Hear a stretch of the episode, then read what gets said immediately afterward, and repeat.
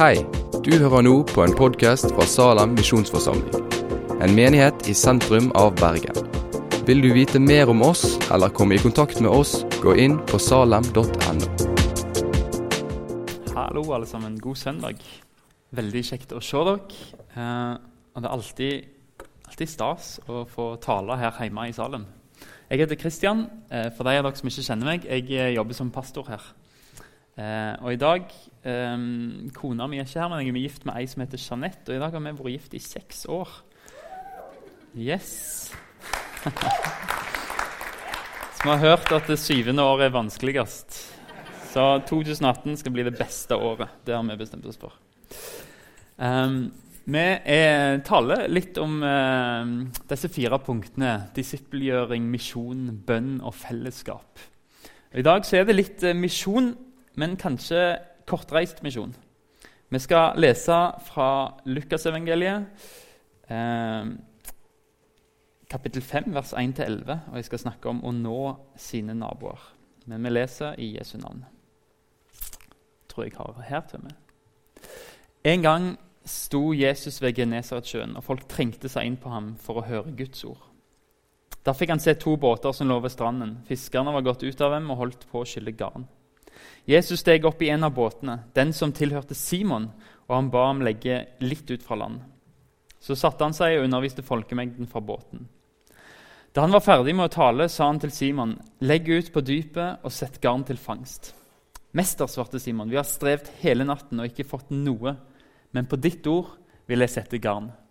Så gjorde de det, og fikk så mye fisk at garnet holdt på å revne. De ga tegn til arbeidslaget i den andre båten at de skulle komme og ta i med dem. Og da de kom, fylte de begge båtene, så de var nær ved å synke. Da Simon Peter så det, kastet han seg ned for Jesu føtter og sa, 'Gå fra meg, Herre, for jeg er en syndig mann.' For han og alle som var med ham, ble grepet av forferdelse over den fangsten de hadde fått. På samme måte var det med Sebedeus-sønnene Jakob og Johannes, som fisket sammen med Simon. Men Jesus sa til Simon, 'Vær ikke redd. Fra nå av skal du fange mennesker.' Så rodde de båten i land, forlot alt og fulgte ham. Herre Far, ber jeg om at du taler til oss. La dette få være såkorn fra deg som faller i god jord. Jesus, ta vekk bekymringer, ta vekk stein i hjertene våre, og gjør jorda vår god, sånn at vi kan bære frukt, Herre Far. Det ber vi med ditt navn. Amen. Vårt oppdrag som kirke det er å forkynne evangeliet. Det er å vinne mennesker. Det å vinne mennesker det skulle være like naturlig for ei kirke som det er for en fisk å leve i vann. Det første Jesus sa til disiplene, det var dere skal fiske mennesker. Og det siste Jesus sier til disiplene, det er gå ut i all verden og gjør folkeslag til mine disipler. Det rammer hele Jesu gjerning. Det kallet til å vinne mennesker. Er det virkelig mulig for oss å overse at det er det vi skal gjøre? Vinne mennesker. Og Det er et stort oppdrag, og Jesus velger seg ut nøye hvem han velger seg ut. Det er ikke hvem som helst. Eller jo, faktisk så er det hvem som helst. Fordi Jesus velger seg ut gutter ved sjøen. Peter, Andreas, Jakob og Johannes. Fiskere. De hadde vokst opp sånn. Det var det de kunne. De hadde ikke en spesiell utdannelse. De hadde ikke tatt memsk fisk 101 på Universitetet i Bergen. De hadde ikke utdannelse til dette, og de var ikke rike heller. Og I mange sammenhenger så ble disse gutta sett på som hvem som helst nobodies. De var ingen. Jesus kunne valgt å gått ut i Komran i ødemarka utfor Dødehavet, der det var ei sekt som levde helt og holdent til å studere Bibelen, til å skrive av Bibelen for å passe på den. De kunne Gamletestamentet utenat på rams. De heter Esera. Jesus kunne gått dit og valgt de beste disiplene. Eller han kunne gått til Jerusalem og funnet de skriftlærde fariseerne, de som virkelig brant for Gud. De som hadde alt på stell. Det ville jo egentlig vært det naturlige hvis du skulle vinne verden å gå til de som samfunnet ser på som de mest kompetente. Men Jesus velger disiplene. Han velger hvem som helst. Han velger de som ikke er noe. Og sånn har det vært helt siden den gangen Jesus velger oss. Vi har en tendens til å gjøre evangelisering og misjon til noe for ekspertene, for de som er misjologer, de store evangelistene som står og snakker for titusenvis av på store stadioner. Men menneskefiske er for alle. Det er for hvermannsen. I alle fall hvis vi tror Guds ord, sånn som det tegner det bildet. For Jesus kaller alle disipler Kom, følg meg, så vil jeg gjøre dere til menneskefiskere. Det er en invitasjon, og det er et løfte. Invitasjonen er 'følg meg'. Det er det første kallet til en kristen. Følg meg. Ikke spring foran meg. Det er ikke det det handler om. Ikke, ikke bare løp av gårde, men, men, følg meg. Det første som skal skje med en som vil fiske mennesker, det er at han skal følge Jesus. Det betyr å være der Jesus er. Å prøve å finne ut hva gjerninger er det Jesus legger foran meg. Hva relasjoner er det Jesus jobber i? Hva er mine venner? Er det, er det Jesus gjør noe i? Hvem er det som får fred for å høre evangeliet? Jesus sa vi skulle lete etter der, der freden var. Jesus sier, 'Den som vil tjene meg, må følge meg.' Og der jeg er, der skal min tjener være. Hva gjør du, Jesus? I mine relasjoner. Hvem er det du jobber i nå? Hvor er det du jobber, Jesus? Det er spørsmål som er viktige å stille seg for en disippel. Jesus, hvor, hvor er det du jobber? Jeg tror svaret finner du i lønnkammeret ditt. Svaret finner du når du søker Bibelen, når du søker bønn, og når du søker å kjenne Gud. Og Jeg tror det er det første og viktigste for oss. Det å leve nær Jesus, sånn at vi er der han er. Vi oppdager hvor er det han er. Løftet Jesus sa invitasjonen 'følg meg'. Det er det første og viktigste. Det er det aller viktigste. Det er det som gir oss frelse. Og så er det òg et kall til disipler. Det er Eller et løfte er det. Jeg, jeg vil gjøre dere til menneskefiskere. Jesus kaller oss ikke til noe som er enkelt. Men han lover én ting, og det er at han skal gjøre det vanskelige. Det er han som skal gjøre at jeg kan fiske mennesker. Det er han som forandrer meg. Fra en fisker som Peter var, så forandrer Jesus han til å bli en menneskefisker. Det var Jesus som gjorde det, som gjorde noe i Peter. Jesus sier, 'Følg meg, så skal du få gjøre ting som du ikke kan, for jeg skal, jeg skal gi deg gaver til å fiske mennesker.' Jeg skal lære deg hvordan det er. Alle som er kalt til å følge Jesus, er menneskefiskere. Ikke fordi vi er så flinke til det, men fordi vi har fått Den hellige ånd som gjør oss til menneskefiskere. Som gir oss et vitnesbyrd. Som gir oss gaver, som gir oss relasjoner. Og som viser oss de ferdiglagte gjerningene. Vi skal følge. Han skal gjøre oss. Og så lenge Jesus får gjøre oss til menneskefiskere, så har det ingenting å si om utgangspunktet var elendig. For da er vi i mesterens hånd. Menneskefiske handler ikke om teknikk eller metode. Det er viktig å, å ha noen kanskje teknikker eller metode, men det er ikke det som dypest sett handler om. Det handler om et personlig forhold til Jesus. Med å stadig se mer av hvem han er og hva han har gjort, så vil han skape frukter i ditt liv som gjør at han gjennom deg kan vinne andre mennesker. Vårt kall er å følge, og så er det hans oppgave å forandre oss, sånn at vi blir i stand til å fiske mennesker. Rekkefølgen der er ikke tilfeldig. Kom, følg meg, og så skal jeg gjøre dere til menneskefiskere. Du er kun subjektet i å følge han. Så gjør han resten. Så gjør han resten. Likevel så har jeg lyst til å dele med dere noen ting som, vært, som jeg har sett i mitt liv som, som, har vært til hjelp for meg. Noen oppdagelser jeg har gjort som har vært til hjelp for meg når det gjelder det å, å dele troen med mennesker. Det å sette meg ned og prate med folk.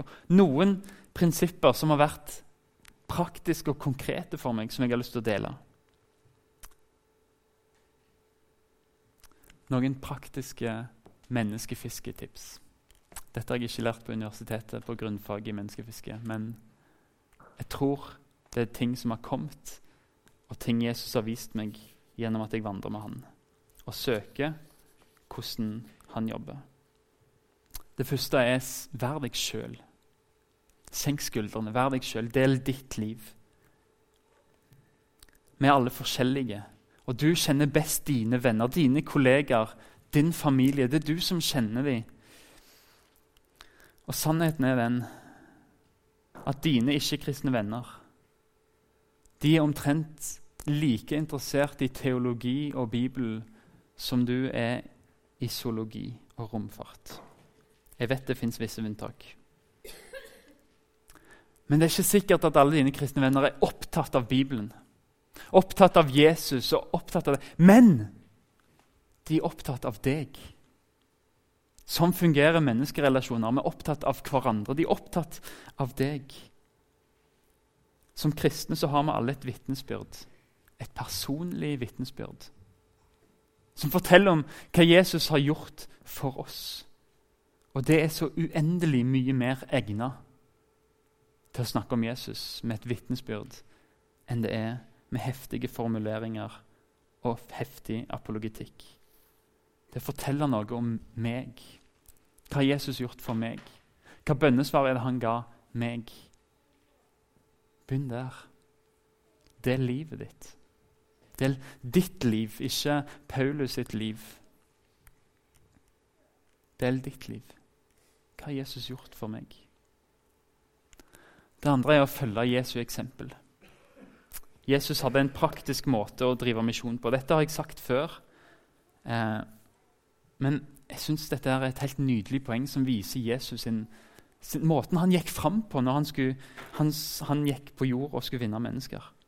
For den setningen 'Menneskesønnen kom' den kan vi fullføre på veldig mange forskjellige måter. Han kom for å frelse mennesker. Han kom for å dø på et kors. Han kom for at alle med syndenød skulle nå, syndenød skulle nå herligheten. Det er det jo ingen som forstår utenom vi som er innafor. Vi kan fullføre den setningen på mange måter, og det gjør Bibelen òg. Nytestamentet avslutter den på tre måter. Menneskesønnen kom ikke for å la seg tjene, men for selv å tjene og gi sitt liv som løsepenge for mange. Det forteller litt om hvorfor Jesus kom.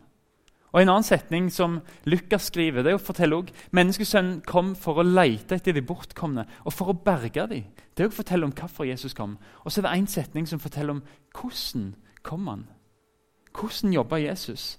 Menneskesønnen er kommet. Han spiser, og han drikker. Og dere sier, 'Se, for en storeter og vindrikker, venn med tollere og syndere.' Disse tre setningene sier oss litt om hvorfor Jesus kom. Men de sier òg hvordan han kom. Han kom for å tjene og gi sitt liv som en løsepenge, for å berge de bortkomne. Men så viser det òg hvordan gjør han det. Han kom ned til jord. Han satte seg til bords, og han åt og han drakk med syndere og med tollere. Jesus brukte mye tid på måltider, så mye tid at hans fiender anklaget han for det og kalte han for storeter. Men jeg tror det var en del av Jesus' sin misjonsstrategi. Et langt måltid som strakk seg ut på kvelden, der de fikk sitte og prate. Og I Lukas evangeliet, hvis du leser det, så er Jesus enten på vei til et måltid, han er i et måltid, eller på vei fra et måltid. Det er sånn Lukas er bygd opp. Det handler om måltider. Det er til og med sånn at Når Jesus sier at dere skal minnes meg, så gjør han det med et måltid. Nattværen. Dere skal minnes meg. Da vet vi at han spiste mye når det er den måten vi skal minne han på. Og Jeg vil ikke redusere misjon og evangelisering til bare måltider, men jeg mener det er en viktig del av vår hverdag som kristne å invitere inn til måltidsfellesskap. For jeg tror det gir noe der. En invitasjon, en nærhet, en relasjon, en åpenhet. Det legemliggjør fellesskap og invitasjon. Og vi kan gjøre det til misjon til noe som hører ekspertene til, men, men, det kan være så enkelt. Det kan være så enkelt som å sette seg ned til bords med noen du er glad i, og dele ditt liv. Og dele det som er viktig for deg. Og hvis du brenner for Jesus, hvis Jesus er din frelser og herre, så vil du komme inn på det fordi det er viktig for deg. Og Det handler ikke om så veldig mye annerledes på en timeplan. Vi spiser ca. 21 ganger i uka. Det handler om å invitere inn. Og Jeg vil oppmuntre dere til å invitere inn til middagsbesøk. Invitere inn mennesker som, som du blir glad i. Som du kan prate lenge med. Det kan være middag, det kan være kjeks og kaffe. Det handler om å sitte på hver sin side av bordet og prate. Dele historier, dele håp og frykt, gleder og skuffelser. Og mennesker åpner seg over bordet, og så gir det oss en mulighet til å være åpne om trua vår. Så følg Jesu eksempel. Bruk måltider.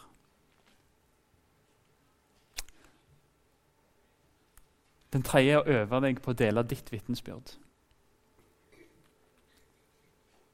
For det er jeg veldig dårlig på.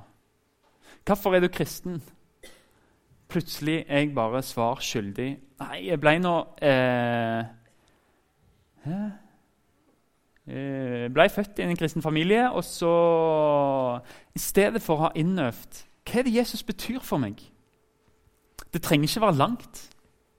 Det kan være veldig kort, helst gjerne kort. Og veldig klart hva er forskjellen på før Jesus og etter Jesus. Hva er, er forskjellen Jesus gjør? Og det må være klisjéfritt, alt det K-er her. sånn at jeg skal huske det. Du trenger ikke si at jeg fikk syndenøden som 13-åring og så at jeg måtte komme til sannhetens erkjennelse og ta imot forsoningens gave, sånn at jeg fikk være i herligheten sammen med Jesus. Men øv deg på å bruke enkle ord. Hold det enkelt, personlig, konkret. Hva har Jesus gjort for deg i det siste? Skriv det gjerne ned. Les gjennom det. Kun det. Handler det om at du ble satt fri fra en skyldfølelse? Handler det om at du har fått fred fra det der jaget etter tomhet? At du har fått mening i livet? Handler det om at eh, du er fri for framtidsangst eller dødsangst? Handler det om at du har opplevd et nytt fellesskap eller fått et bønnesvar, enkelt eller stort? Eller handler det om at eh, Gud har gjort noe totalt revolusjonerende i en relasjon i familien din som gjør at du kan leve sammen i fred? Hva er ditt vitnesbyrd? La det få være Kristus-sentrert. Jesus sa til en, gå hjem til dine og fortell alt det Herren har gjort for deg, og hvordan han har forvarma seg over deg. Og Det er en øvingssak. Bruk tid, formuler et vitnesbyrd. Skriv det gjerne ned. Og I, i Nytestamentet så merker man ofte at mange mange samler seg om Jesus. Store folkemengder. Og det som er fascinerende er at På den tida var det ikke aviser, det var ikke kamera, det var ikke Facebook, Instagram eller Snapchat. Det var ingenting. Det var egentlig ingen som visste hvordan Jesus så ut. Så Jesus kunne gå relativt i fred i en ny by uten at noen visste hvem han var. Men med en gang folk sa det er Jesus fra Nasaret, så stimla folk rundt han. Og det står fordi de hadde hørt vitnesbyrdet om han. Det var en lam som hadde sagt til de lamme 'Jesus helbreder meg'. Det var en blind som hadde sagt til de blinde 'Jesus ga meg synet tilbake'. Det var en som ikke kunne snakke, som sa til de stumme 'Jesus ga meg stemmen tilbake'. Det var vitnesbyrdet som gjorde at folk kom. Og når de hørte 'Jesus er her', så sa de 'Han kan treffe meg', for han har gjort det før. Og Det er de vitnesbyrdene vi trenger. At når Jesus kommer inn i deres liv, når noe skjer i deres liv og når vi får se at Gud er til stede, så kjenner de igjen Jesus. Han har gjort det hos min kristne venn. Han kan møte meg på samme måte. Vi trenger de vitnesbyrdene for at folk skal se at Jesus er relevant. Det fjerde punktet er å leve ett liv. Det er fort gjort som kristne å slite oss ut i alle fronter. Vi har ett kirkeliv, vi har ett fellesskap i Salem, så vi skal forvalte de relasjonene vi har fått der. Og så har vi gjerne en familie her borte, og så har vi studie eller kollegaer her som gjør at vi har på en måte tre liv der vi skal sjonglere alt på en gang. Og Når noen har bursdag, så inviterer vi hvor mange ganger jeg skal ha tantene mine da, og så skal familien din nære komme da, og så skal jeg ha folk fra Salem, og så kommer det noen fra studie eller jobb. Og så sliter vi oss helt ut fordi vi skal alltid vaske og prestere. Jeg vil oppmuntre dere til å leve ett liv. La folk fra Salem treffe folk fra studier og treffe din familie. Vær stolt over å si dette. Dette er min bror fra Salem. Dette er min biologiske bror. Dere kan treffe hverandre. Jeg tror dere, dere kan ha noe til felles. En ting jeg har lært meg, det er å være intensjonell med hvem jeg inviterer. I bursdagsselskap, bl.a. Jeg er intensjonell med hvem er det av mine venner fra Salem som jeg inviterer. Hvem er det av mine ikke-kristne venner jeg inviterer? Og hvem er det av familien jeg inviterer? Og så tenker jeg på de ikke-kristne vennene som kommer. Hvem av mine venner i Salem er det som kan matche litt med deg? Eller i min familie er det som kan matche? Og så tenker jeg at bursdagsselskapet mitt det skal få være misjonalt. Og Jeg skal få introdusere min ikke-kristne venn for en kristen en og si jeg tror dere har noe bra til felles. jeg tror dere kommer til å gå meg godt overens. Bare prat med hverandre litt. Det betyr at det er mange relasjoner som jeg må prioritere vekk av og til. Jeg har ikke plass til alle i min leilighet, til alle jeg skulle ønske jeg kunne invitere. Men jeg har lært jeg tror det er rett for oss å tenke hvem kan bety noe inn i min ikke-kristne svoger sitt liv. Som er like gammel her fra Salem, som har kanskje de felles interessene. Og som jeg inviterer begge to, så sier jeg jeg tror dere to har noe til felles.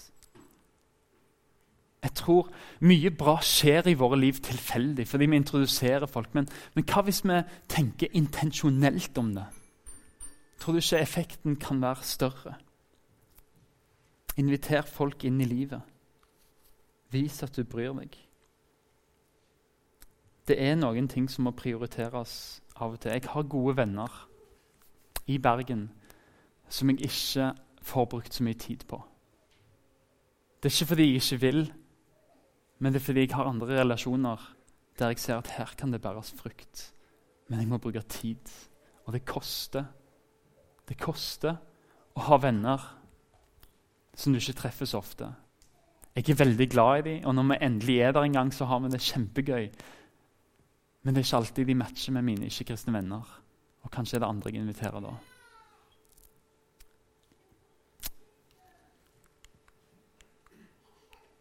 Der var det et vers jeg ikke hadde. Men Johannes 15 sier Jesus, 'Jeg er det sanne vintre, og min far er vinbonden.' Hver grein på meg som ikke bærer frukt, tar han bort, og hver grein som bærer frukt, renser han, så den skal bære mer.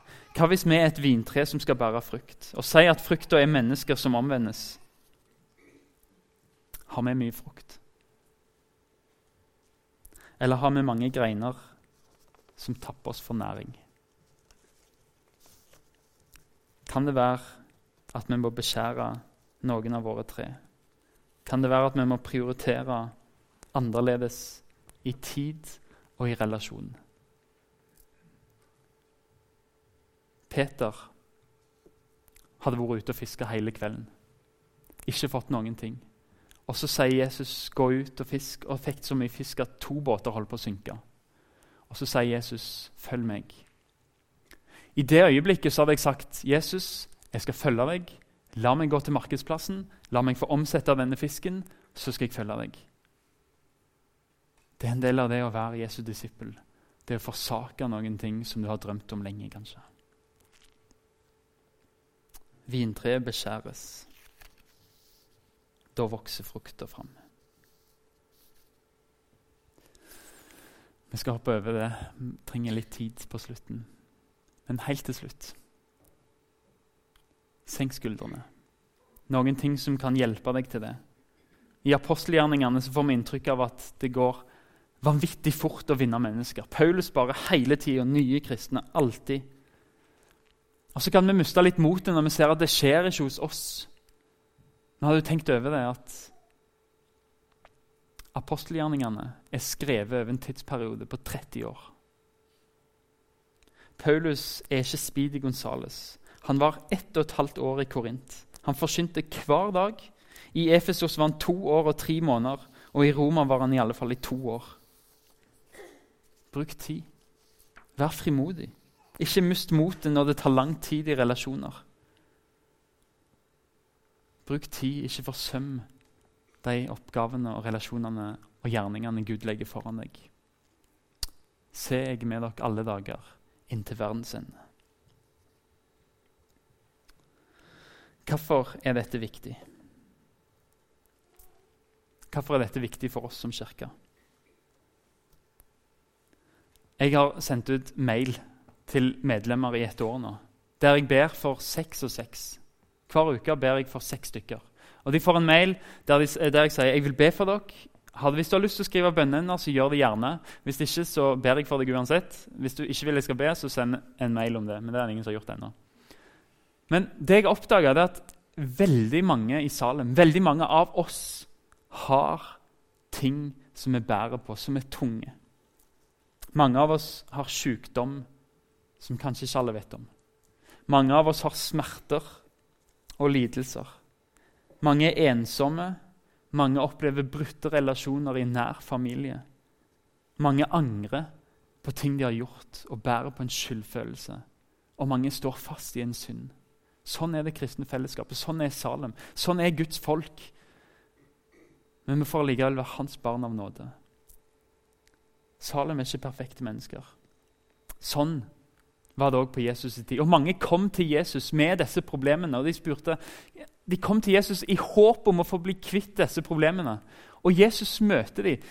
Men han møter dem med, ofte med en setning der han sier 'sønn' eller 'datter'. Dine synder er deg tilgitt. Fordi Jesus ser forbi våre behov. Og så ser han helt til det innerste behovet, det som er absolutt mest nødvendig for oss, nemlig å bli tilgitt. Han ser ikke på alt vi trenger og ønsker her og nå, men han ser i et evighetsperspektiv det du trenger. Det du er skapt til, en relasjon med Gud, det som synden holder deg vekke fra. Og så sier han det vil jeg ta vekk, fordi du trenger en relasjon med Gud. Og så skal vi få bekjenne våre synder og si det samme som Si det samme som Gud. Det er det å bekjenne.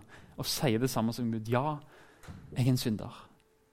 Og Når vi bekjenner, så er Gud trofast og rettferdig og tilgir oss all synd og renser oss for all urett. Og Da skal vi få igjen for å bekjenne. Da skal vi få igjen for å si det samme som Gud. Jeg er Guds barn fordi jeg kom til Jesus. Jeg er ren, og jeg er rettferdig. Jeg har funnet nåde, jeg har funnet frihet, jeg har funnet mening, jeg har funnet glede. Det betyr ikke at alle problemene er vekke, men vi har en større mening. Vi har funnet Gud. Mennesker må høre det budskapet. De må høre det vitnesbyrdet om evig liv, og at det kan starte nå. Dette er troens ord, det som vi forkynner. For hvis du med din munn bekjenner at Jesus er Herre, og i ditt hjerte tror at Gud har oppreist ham fra de døde, da skal du bli frelst. Med hjertet tror vi, så vi blir rettferdige. Med munnen bekjenner vi, så vi blir frelst. Skriften sier ingen som tror på ham, skal bli til skamme. For her er ikke forskjell på jøde og greker. Alle har samme Herre. Og han er rik nok for alle som påkaller ham. Hver den som påkaller Herrens navn, skal bli frelst. Men hvordan kan de påkalle en de ikke tror på? Hvordan kan de tro på en de ikke har hørt om? Og hvordan kan de høre uten at noen forsyner? Og hvordan kan de forsyne hvis de ikke er utsendt? Det står skrevet hvor vakre de er, føttene til den som bringer godt budskap. Men ikke alle var lydige mot evangeliet. Jesaja sier, 'Herre, hvem trodde vårt budskap?' Så kommer da troen av det budskapet en hører, og budskapet kommer av Kristi ord. Vi i Salem, vi vil sende hverandre. Se på dere som utsendte. Fra vårt fellesskap til dine venner som trenger Jesus. Da er vi utsendt. Da kan vi forkynne. Når vi forkynner, så kan de høre. Når de hører, så kan de tro. Og når de tror, så kan de påkalle. Og når de påkaller, så blir de frelst. Det vi jobber for. Jesus er det du trenger dypest sett. Forbi dine problemer, forbi dine lidelser, sykdommer og mangler. Han er veien, han er sannheten og livet. Ingen kommer til far uten han. Han er porten. Den som går inn gjennom han, skal bli frelst. Han er oppstandelsen. Den, tror, den som tror på han, skal leve om han dør. Og det finnes ikke frelse i noen annen. For under himmelen er det ikke gitt menneskene noe annet navn enn Jesus, som vi kan bli frelst med. Herre Far, takk for ditt ord til oss. Ber Jesus om at du bærer frukter i våre liv. Beskjær våre greiner, sånn at vi kan bære frukt. Jesus, jeg ber om at du gir oss ferdiglagte gjerninger. Jeg ber om at du minner oss på relasjoner der du jobber, Jesus, som vi kan få komme og få høste det som du har sådd, det som du har vanna. La oss få være mennesker som er åpne om troen, som er åpne, Jesus, tar imot alt. Ber vi om i ditt navn, Jesus.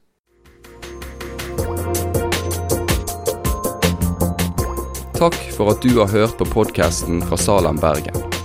I Salem vil vi vokse i et stadig dypere fellesskap med Gud og med hverandre. Vi vil være Jesu hender og føtter, og vi vil være med å forkynne frelse for Bergen og resten av verden. Besøk oss gjerne på salem.no om du vil vite mer.